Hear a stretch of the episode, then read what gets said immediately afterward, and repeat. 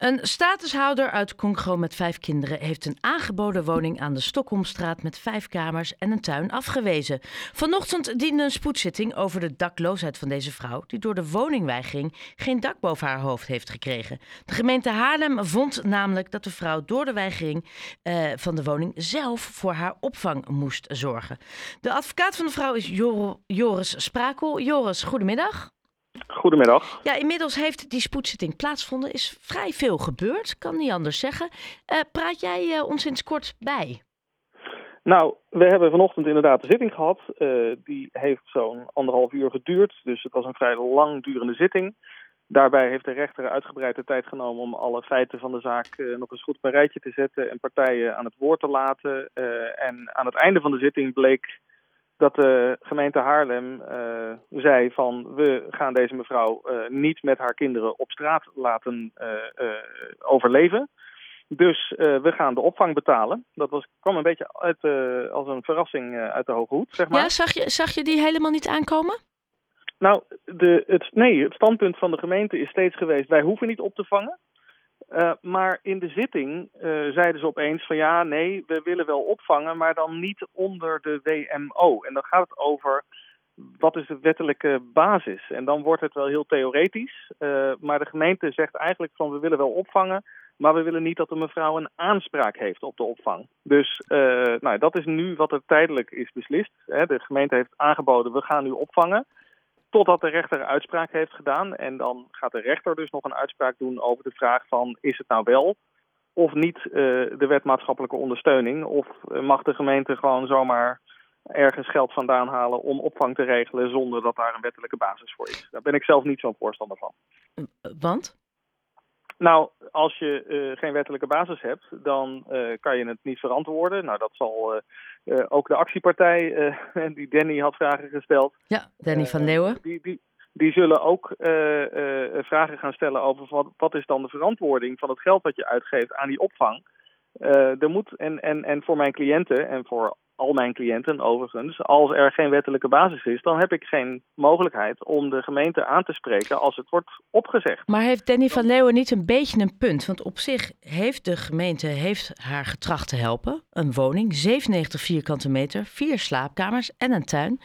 Die is geweigerd. Heeft Danny een punt als hij zegt, ja, maar wat bezielt die mevrouw? Zeker. Uh, ik denk dat, uh, dat we dat uh, met z'n allen wel kunnen vaststellen dat deze mevrouw een verkeerde keuze heeft gemaakt. ik zelf denk dat zij niet zo goed wist, echt wist, wat de consequenties waren van haar keuze, namelijk dat ze op straat zou komen te staan met haar kinderen. En, en, en dat is dan de fout die zij gemaakt heeft. Dus ik bedoel, ik ben dat uh, uh, wel met Danny van Leeuwen eens. Uh, en met een hele hoop andere mensen. Want er zijn ook mensen die mij gemaild hebben nadat ze een artikel hadden gelezen. ja, dat is gewoon niet een handige keuze geweest van mijn cliënten. Alleen waar ik voor sta is niet de vraag, heeft ze een verkeerde keuze gemaakt? Maar ik sta voor de vraag, hoe lossen we het op? Met die, wat moet er met die mevrouw gebeuren? En die kinderen, moeten ze dan, dan, dan op de blaren zitten en op straat rondzwerven? Of zeggen we, we gaan uh, kijken hoe we deze mevrouw dan toch weer erbovenop kunnen helpen. Moeten we uiteindelijk niet een stapje terug? Moeten vrouwen zoals zij, uh, ik, ik, ga ervan uit dat ze alleenstaand is, met vijf jonge kinderen, 38 jaar uit Congo, dus weinig kennis. Moet die van tevoren al niet begeleid worden bij het maken van dit soort keuze? Ik denk dat deze mevrouw, die heeft twaalf jaar lang in ja. uh, verschillende AZC's verbleven. En ik denk dat zij volledig uh, geïnstitutionaliseerd is, zoals dat heet. Dus zij is helemaal afhankelijk geworden van het COA in alles wat ze had. Dus een dak boven haar hoofd en geld elke week. En ik denk dat zij nooit echt uh, goed begeleid is om deze keuze te maken. Uh, het betekent niet dat er niet met haar gesproken is. Hè. De, zowel Vluchtelingenwerk Nederland als het COA die zeggen we hebben uitgebreid met deze mevrouw gesproken. Maar ik denk dus nog steeds dat deze mevrouw nooit begrepen heeft wat de echte consequentie was van het weigeren van die woning. Want uh, heel sec gezien, hè? Je bent natuurlijk de advocaat, maar jij, begrijp, begrijp jij de keuze om het te weigeren? Ik denk dat als ik deze mevrouw had bijgestaan op het moment dat zij deze woning aangeboden had gekregen, dat ik dan had geadviseerd om die woning wel te accepteren. En datzelfde geldt ook voor uh, Stichting Stem in de Stad, hè, die, voor ja, die haar, nu betaalt. Uh, hotel betaalt. En ook voor Stichting Steunpunt, die haar in andere zaken uh, haar belangen behartigt. dat zijn allemaal clubs die, en ik zelf ook, ik denk dat wij geadviseerd hadden van accepteer die woning ook wel. En als ik het, hè, ik heb stuk in het Haarlems Dagblad van vandaag ook gezien. En daarin zegt cliënten ook van ja, ik betreur het dat ik die keuze toen gemaakt heb. Ik denk, en, en nou, dat, dat toont voor mij wel aan dat zij ook die consequentie nooit echt goed begrepen heeft. Ja, er wordt ook getwijfeld aan haar, uh, uh, hoe zeg je dat? Uh, zelfredzaamheid, intellectuele vermogen om dit soort beslissingen te maken? Ja, dat, althans, dat, dat heeft de rechter genoemd. Ik zelf denk niet dat het te maken heeft met intellectuele vermogens. Ik, daar heb ik ook geen zicht in. Ik ben een advocaat, ik ben geen psycholoog of, of, of ik, ik kan dat ook niet toetsen.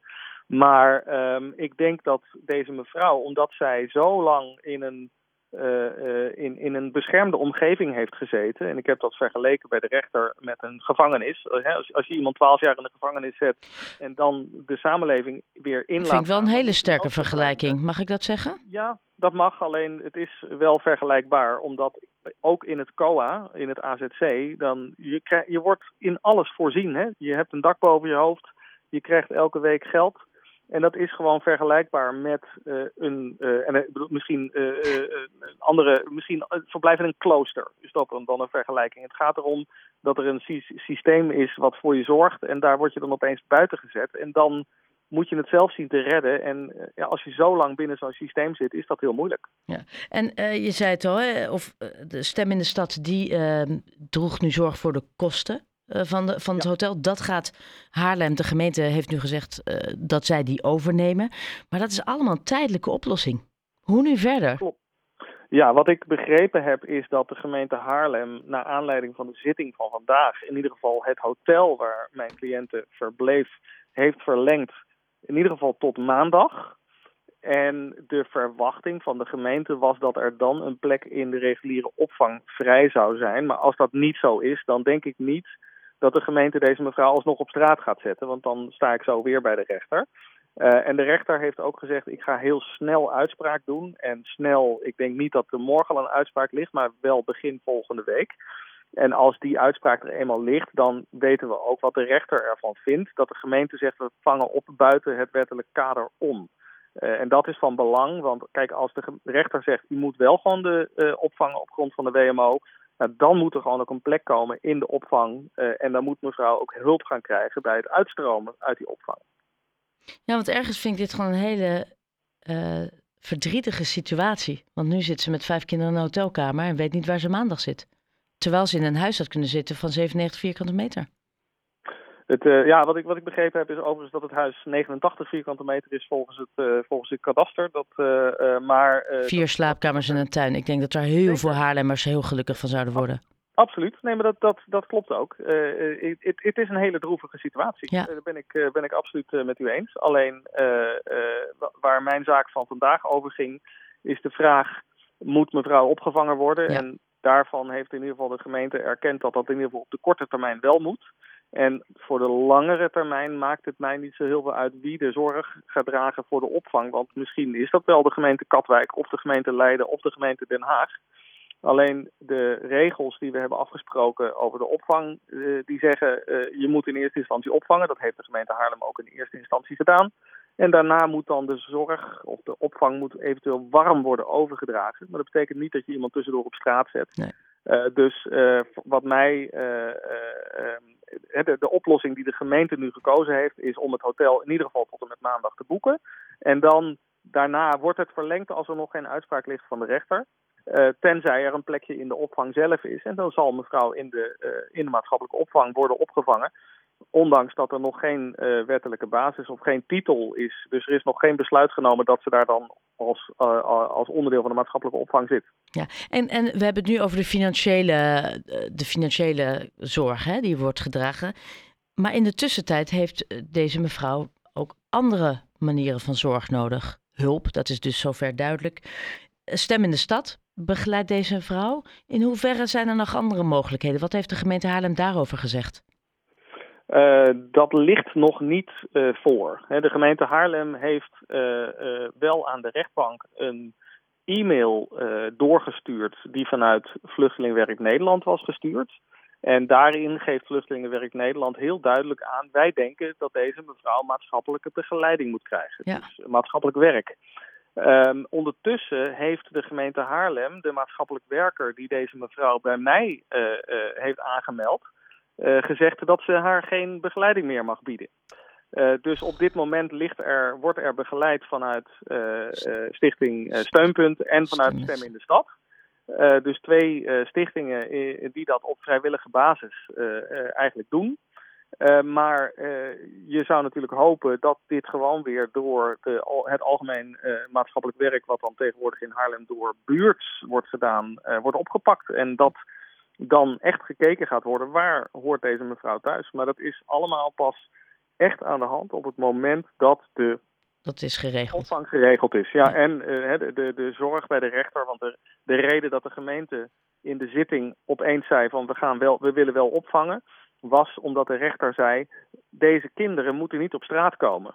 En hij maakte zich daar zorgen over. En dat was uh, het moment waarop de gemeente zei, maar wij gaan ook opvangen. Ja, nogmaals, misschien ook voor de luisteraar. Het gaat om kinderen. De, de, jongste is een tweeling van vijf maanden. Dus dat is ja. eigenlijk een logisch gevolg dat die plicht heb je, denk ik, zo, als mens, zeker als gemeente. Uh, laatste vraag, hè, maar jij zit hier natuurlijk middenin. Jij zelf uh, meer van dit soort cliënten hebben.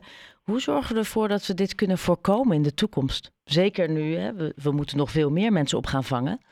Wat ja. gisteren Van de Burg heeft gesteld. Hoe, hoe voorkomen we dit?